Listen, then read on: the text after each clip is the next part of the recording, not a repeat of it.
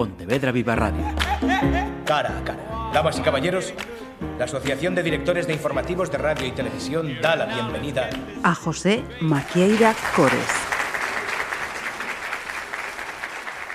La pesca recreativa es su trabajo y su afición.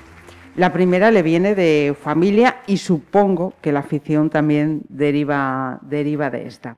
José Maquieira Cores, gracias por hacernos un huequito y venir a charlar aquí a Pontevedra Viva Radio.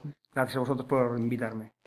Mm, decía que trabajo y afición te vienen de familia. ¿Tú te acuerdas de la primera vez que te llevaron a pescar? Pues la verdad es que como fue hace tantos años, me llevaron tan de pequeño, fue una, una afición que, que, adquirí de mi, de mi padre, pues la verdad es que no recuerdo la edad, cuándo fue la primera vez, eh, posiblemente fuera a los 6, 7 años o, incluso antes, no sé, pero no, no, recuerdo aquel primer día, ¿no? pero sí que recuerdo eso, mis recuerdos son de, se remontan hace muchísimos años, era muy pequeño. Ajá.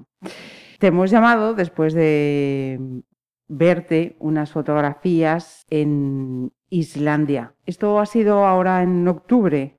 No, ha sido en el mes de septiembre. En septiembre. Sí. ¿Era la primera vez que has viajado hasta Islandia? A Islandia no, Islandia había estado, en Islandia había estado ya una vez antes de la pandemia. Y vas exprofeso a la pesca de salmón. Sí, sí, sí, vamos a la pesca exprofeso a la pesca de salmón porque Islandia es uno de los mejores destinos mundiales para la pesca del, del salmón. Y por desconocimiento, cuando escuchas hablar de salmón, la cabeza se te va, por lo menos a mí, a, a Noruega. ¿Por qué Islandia y no Noruega? Bueno, Noruega eh, sí que ha sido antaño un, un, uno de los lugares, una de las mecas también de la pesca de salmón. Pero Noruega tiene problemas con las poblaciones de salmones, mucho debido a las granjas. Noruega eh, tiene establecidas muchas granjas de salmón para, para la piscifactoría, para el salmón de piscifactoría, y ha tenido problemas de que se le han pasado enfermedades a, a los salmones autóctonos de las propias granjas. Eh, y sus poblaciones de salmones se han, visto, se han, visto, mermadas. Actualmente, Islandia tiene una población de salmón salvaje muchísimo, muy superior a Noruega. Quizás en Noruega, la parte norte, sobre todo en el Cabo Norte, los ríos del Cabo Norte, tengan algunos salmones de mayor tamaño que en Islandia. Son, son zonas de, mucho, de, de, salmones de tamaño muy grande, pero no tienen tanta abundancia como Islandia de salmones para la pesca recreativa actualmente.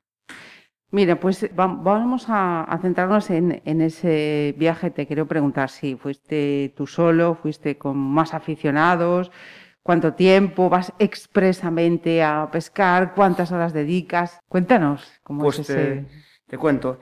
Somos un grupo de, de amigos eh, que nos juntamos para que el viaje nos salga mejor, porque eh, el tema de los ríos en, de la pesca en Islandia es que los ríos son particulares, pertenecen a los granjeros no son del Estado, ah. no son públicos.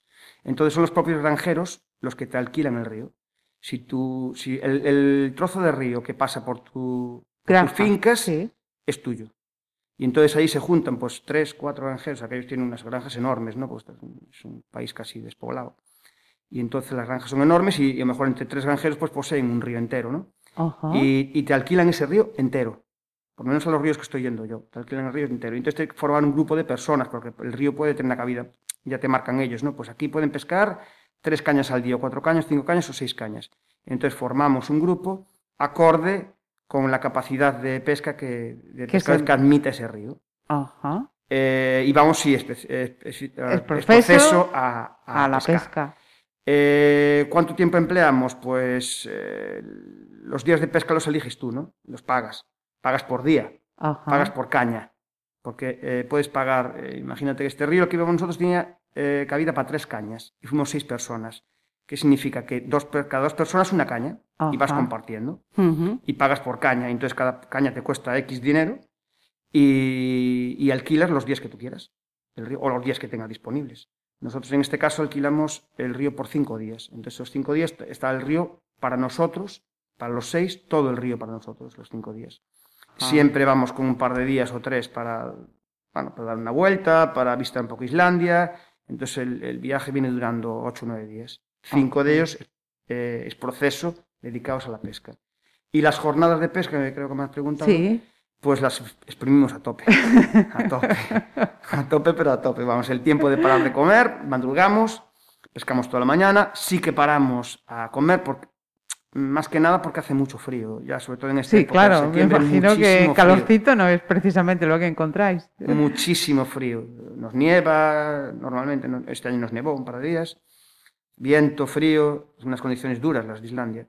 Ya a partir de, bueno, ya una que se acaba la temporada, en, el 1 de octubre se acaba la temporada, pero aunque no se acabara no se podría ir ya porque ya el tiempo es totalmente intempestivo, o sea, horrible, mucho frío y, muy mal.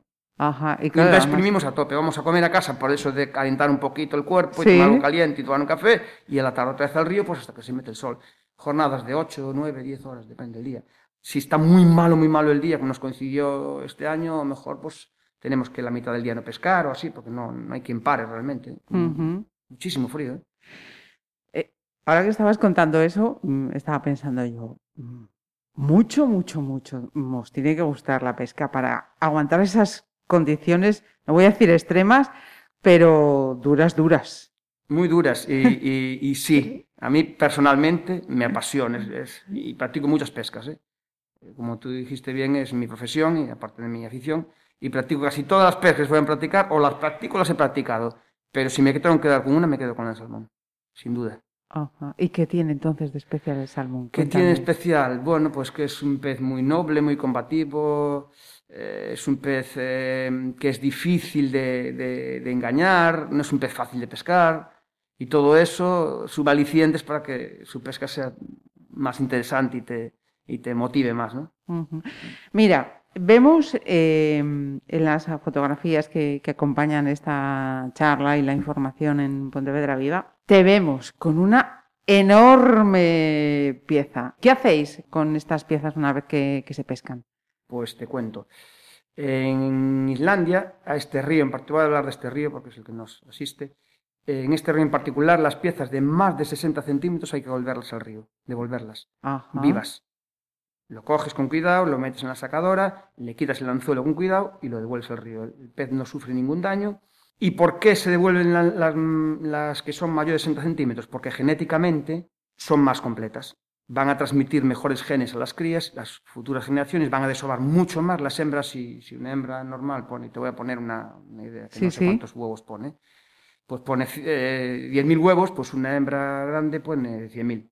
Ajá. Y los machos lo que transmiten es también, cuanto más grandes, mejor genética, porque date cuenta que los, los salmones eh, sufren ciclos de cuatro años. O sea, nacen en el río, se van al mar, vuelven al río, desoban y se vuelven a ir al mar. Mucha gente piensa que el salmón atlántico se muere en el río porque se ven los reportajes del Pacífico de, salmones que se mueren al llegar al río, pero el salmón atlántico no se muere. El salmón atlántico desova, se eh, vuelve muy delgado al mar, pasa otros dos o tres años en el mar, vuelve al río, desova así sucesivamente ganando kilos. Si, si la primera vez que ha vuelto al río llega con 3 kilos, pues a lo mejor la segunda vuelve con 6, y la tercera vuelve con 9, y la cuarta vuelve con 12 kilos al río. Ajá. Y entonces, pues eso, los más grandes los preservan porque son más fuertes genéticamente. Si ha llegado a 9 años es porque el salmón ha, sufrido más vicisitudes y las ha superado que un salmón pequeño que no ha tenido todas esas experiencias largo de su vida y no, tiene, no guarda esa genética tan, tan pura, tan buena. Ajá. Y los pequeños, los que son de menos de 60 centímetros, pues algunos de ellos nos los traemos vamos a, una, a, un, a un madero de salmón y ahí te los cambian por salmón ahumado. ahumado. Sí, por cada. te dan un 25% en salmón ahumado. Del fresco, del 100% que llevas, te dan un 25% ahumado que ya tienen ellos ahí. Tú le dejas los frescos y te llevas el 25% ahumado. Lo que aprende uno escuchando al que sabe, ¿verdad? Mira, eh, viajas mucho, sales mucho fuera de, Galicia para pescar, además de Islandia. Sí, sí, viajo mucho. Desde hace 25 años voy a, salvo estos dos años de pandemia, sí. pues he estado yendo a, Irlanda a pescar salmón también, que es otro muy buen destino, no tiene nada que ver con Islandia, pero económicamente es lo mejor. Es más barato que Islandia. Islandia es muy caro pescar, carísimo. Irlanda no, Irlanda es un destino más asequible. Y entonces, pues eso, ya con, ya con, al principio íbamos mi hermano, mi padre, cuando vivía, mi hermana y yo, los cuatro, a pescar a Irlanda, hace 25 años. Después mi padre falleció, fuimos mi hermana, mi hermano y yo, y ahora vamos, normalmente vamos mi hermano y yo. y, y, aparte de Irlanda, pues estos viajes que me hago a Islandia, así de vez en cuando. Ajá. Dentro de la península, que también he visto por ahí que haces algún viajecito, también aquí al norte, sí, Dentro de, la, dentro de la península pesco en España, o sea, en Galicia, perdón, Sí. en Galicia y en Asturias, lo que es la pesca de salmón. Estamos hablando de pesca de salmón, que la que Ajá. estamos hablando hoy. Ujú. Después para otras pescas también me desplazo, pero bueno, Ajá. para la que más me desplazo es para la de salmón. Para, la- o sea, el salmón, el rey. Para mí sí. y, y luego, además, también, ¿qué, qué es lo que te lleva a moverte? ¿Qué otras especies te llevan a moverte por ahí? Bueno, pues algún viaje hago a pescar lubina, o- pero me muevo a nivel gallego, ¿eh? Me voy al norte, pues tengo un amigo en Musía, voy a pescar allí, o tengo un amigo en Coruña, voy a pescar allí, otras jornadas, pero más, son más bien jornadas puntuales de fin de semana. y Ajá. Voy a pedirte otro ejercicio de memoria, que al principio te preguntaba si te acordabas la primera vez que te llevaron a, a pescar.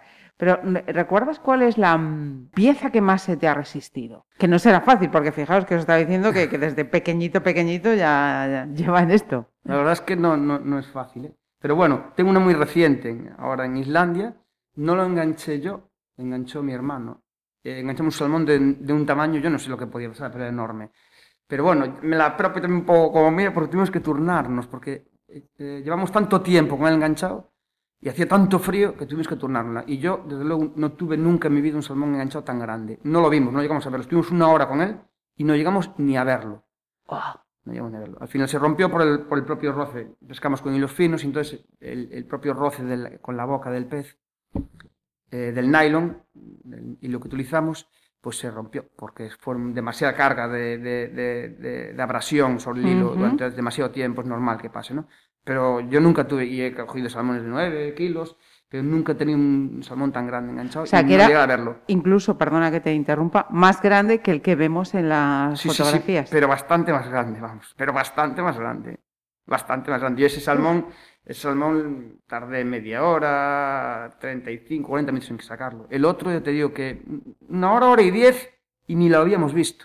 No sabíamos ni cómo era. Pero bueno, son cosas así. ¿Qué pasa? ¿Y mm, cuál es la pieza que recuerdas con más satisfacción? La que más satisfacción me dio, pues quizás, yo diría que un salmón que cogí en el, aquí en el río Lérez. Anda, que fue el campano, que fue el, el, el primero que se coge en, en la temporada. Y lo, tuve la suerte de pescarlo yo. Y como había, hacía un año que había fallecido mi padre, que era un apasionado del salmón, pues fue como un- una dedicatoria que le hice, ¿no? Y Sí. me quedé muy satisfecho con esa pieza, sí, muy satisfecho. Sí, señor. Tiene una carga emotiva Sí. importantísima, me imagino. Vamos a dejar un- el salmón, nos vamos en general a la pesca de recreo porque mm, recurre a un símil muy fácil, andan, creo, las aguas un poco revueltas. ¿Qué ocurre con ese real decreto que pretende mm, ajustar o volver a, a- a- a regular la pesca de, de recreo y que este verano eh, os llevó a, manifestaros, si no he visto mal, en Santiago? Vamos a ver, yo creo que el problema es que la pesca en general está eh, viniendo a menos, ¿no? Tanto la pesca de fluvial, la pesca continental, como la pesca de marítima, ¿no? Cada vez las, las especies eh, son menos abundantes y eh, esto viene motivado por sobreexplotación de las especies, ¿no? Y entonces lo que está intentando con ese Real Decreto es poner unas normas, unas normas impositivas a exclusivamente a los pescadores recreativos, muy demasiado estrictas, demasiado estrictas. Eh, hablan de reducir eh, los cupos, que ya son, que no son muy altos, eh, hablan de reducir, aumentar el tamaño, hablan de tener que notificar al gobierno o al asunto o al organismo competente el número de piezas, por ejemplo, de lubinas en este caso, que coges al día.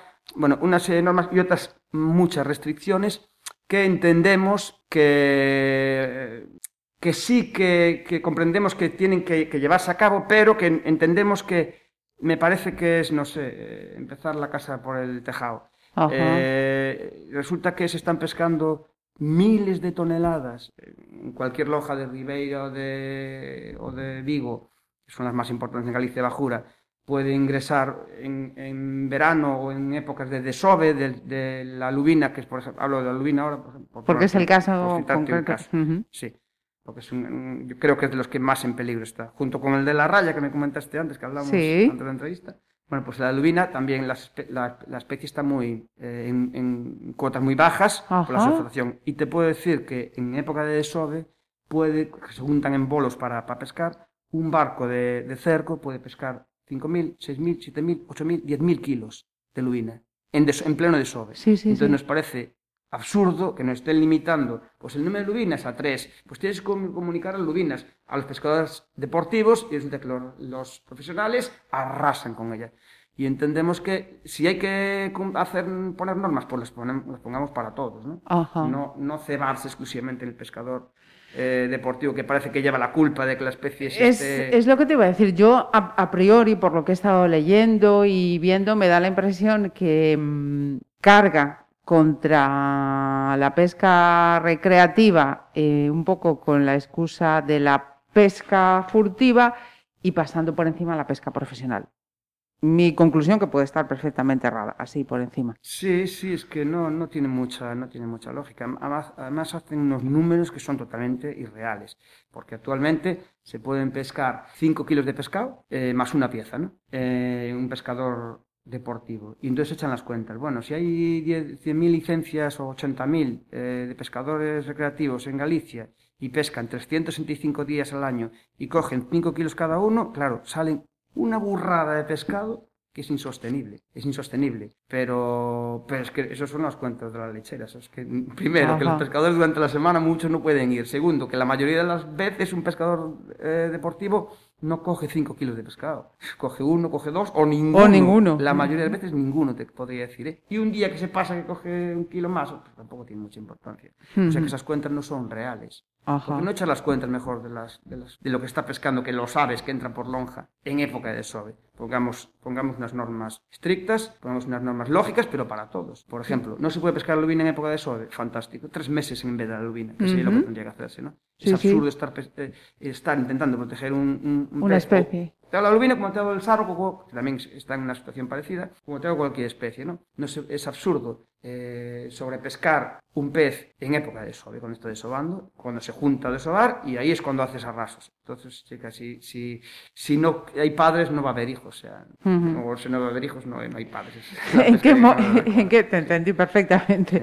¿En qué, ¿En qué momento administrativo de tramitación está ahora mismo la ley? ¿Qué posibilidades hay de que mm, se reconsidere y sea más realista? Pues si te digo la verdad, no sé, nosotros hemos hecho delegaciones por medio de sociedades, por medio de asociaciones recreativas, hemos, nos hemos manifestado y no sé en qué punto están, si la llevarán a cabo o no. Ajá. Ahora también está muy en boca un tema de una ley que ha quitado a la Xunta de Galicia por la, por la prohibición de pescar en los puertos deportivos, no sé si estás enterado. No, cuéntame, por favor.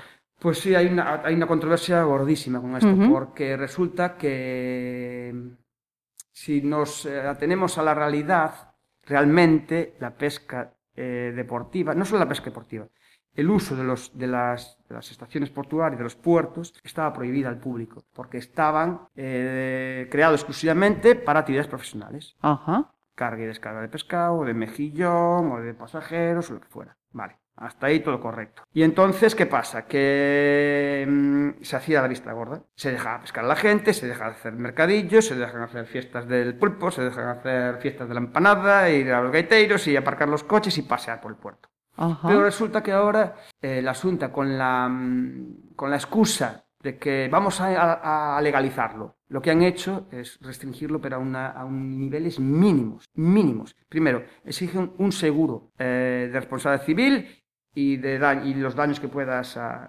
bueno, civil y de, de riesgos propios, ¿no? Ajá.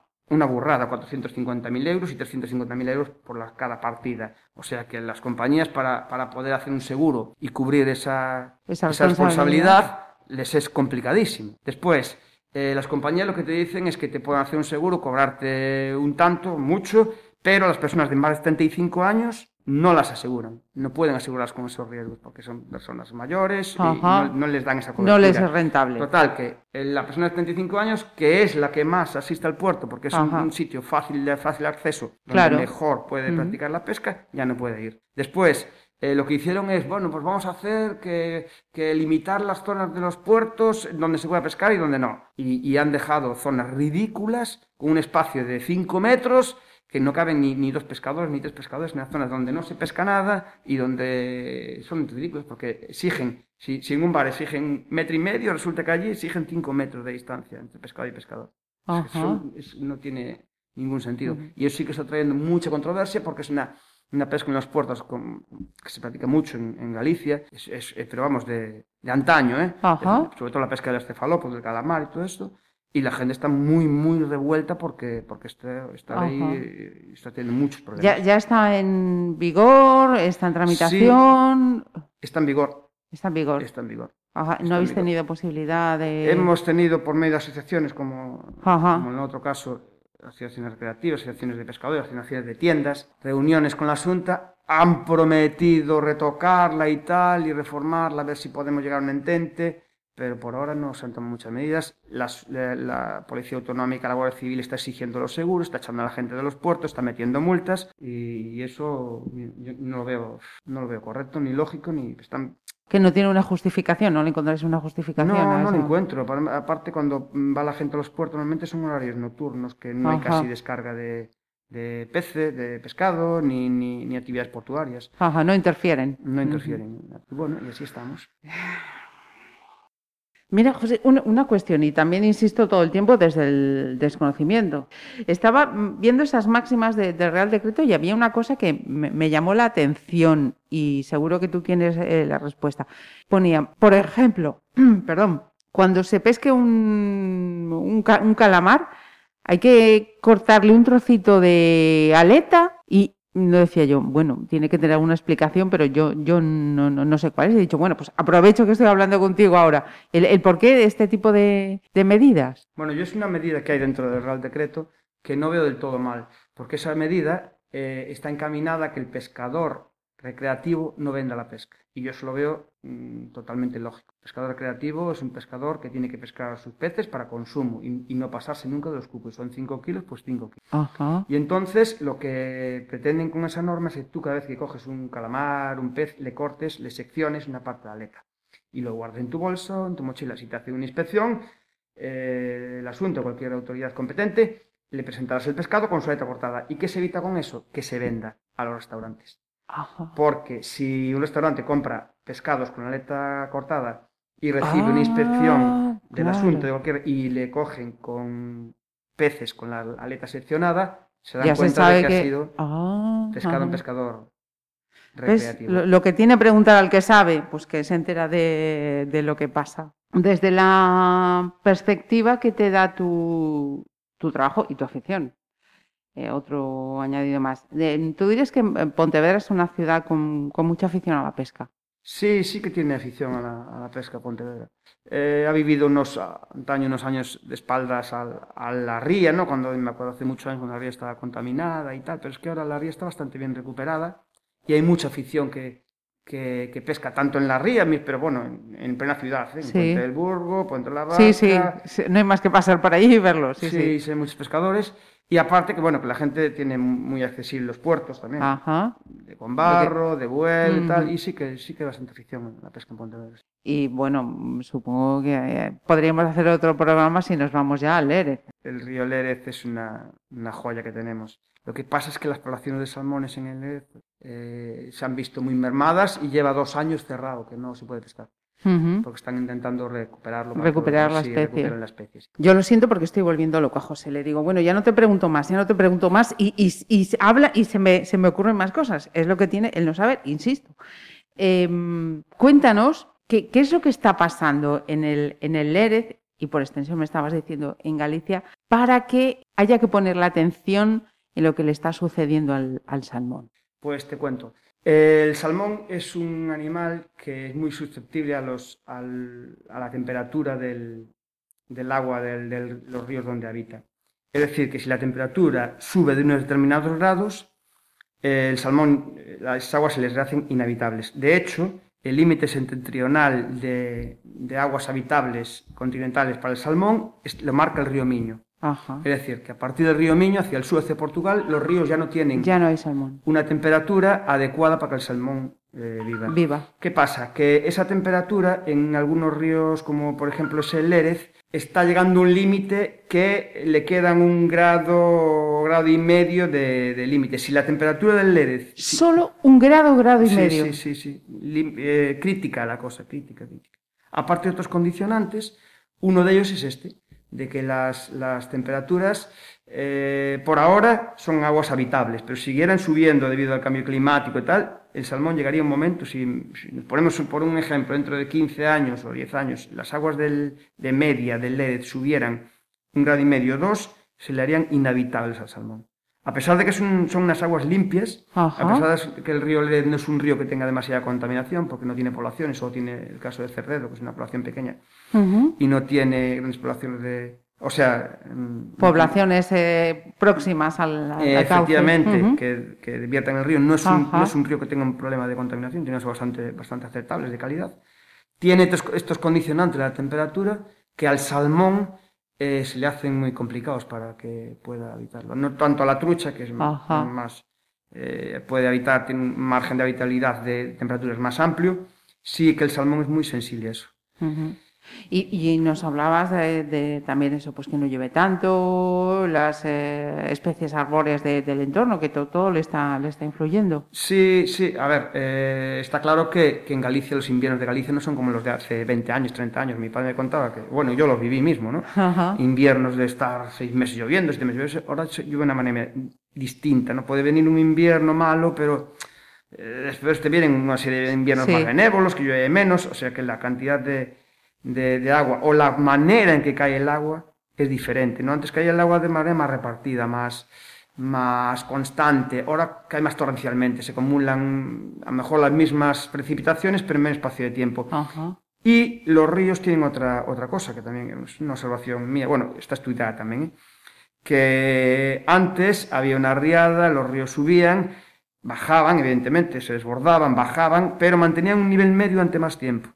Ahora, sigue habiendo desbordes, sigue habiendo riadas, pero el río baja enseguida y, y- y se pone en un cauce muy bajo Ajá. en muy poquito tiempo, que puede estar motivado pues precisamente porque lo que hablamos, excesivos pozos eh, de las aguas freáticas, que los acuíferos eh, se les trae demasiada agua, Ajá. puede ser problemas de, de, de escorrentía, los montes no aguantan también el agua, el tema de, de mucho eucalipto, que es un, un, un árbol que no aguanta, no aguanta el, agua, el- el- el- Le hace correr. Efectivamente, el sustrato se, se degenera y hace que el agua corra mucho más rápido, baje mucho más al río, el río se llene mucho antes, pero no mantenga esa agua en los acuíferos, Ajá. se filtra la tierra y mantenga el cauce del río con un nivel más estable durante más tiempo.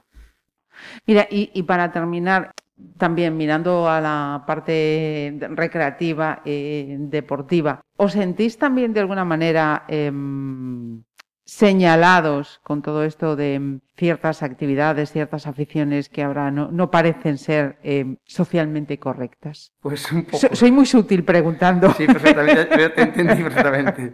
Sí, sí, sí que, sí que nos sentimos un poco señalados y un poco, no te digo perseguidos, pero un poco mal vistos, ¿no? Lo que pasa es que la pesca tiene una, una condición que, por ejemplo, en la caza, que está peor vista, Sí. no tiene, que en la caza no hay vuelta atrás. Ajá. Disparas y matas la pieza en la pesca y la captura y suelta. Ajá. Y está cada vez más en boga, tanto en el mar como en el río. Hay mucha gente ahora que no se lleva el pescado para casa, lo pesca, le retira el anzuelo, que el pez no sufre nada, y el Ajá. pez vuelve a vivir y no, y no, no hay problema ninguno. Por eso es la ventaja que tenemos, Ujú. que tenemos la capacidad de dar marcha atrás. Como te conté en, en Islandia, como hacemos con los salmones más grandes, van al río y, perfectamente. Ujú. Mire, ya hay señalada en la agenda un próximo viaje ya para terminar. Bueno, ojalá, ojalá a ver cómo evoluciona esto la pandemia y si puedo, y si puedo y me van bien las cosas, pues me iré a Irlanda y a Islandia el año que viene, en los dos sitios. Ajá, pues ojalá que, que sí, que sigas eh, disfrutando de esa afición y que vaya bien el trabajo, por supuesto, que en estos eh, momentos no, no, no es fácil decirlo. José Maqueira, muchísimas gracias por este ratito. Muchas gracias a vosotros, gracias. Pontevedra Viva Radio. ¿Me permiten que les haga un comentario como espectadores del programa Cara a Cara? Según un reciente sondeo de mercado, ustedes disponen de estudios e inteligencias superiores a la media. Sus intereses abarcan desde la actualidad mundial y la ciencia hasta el deporte y los espectáculos.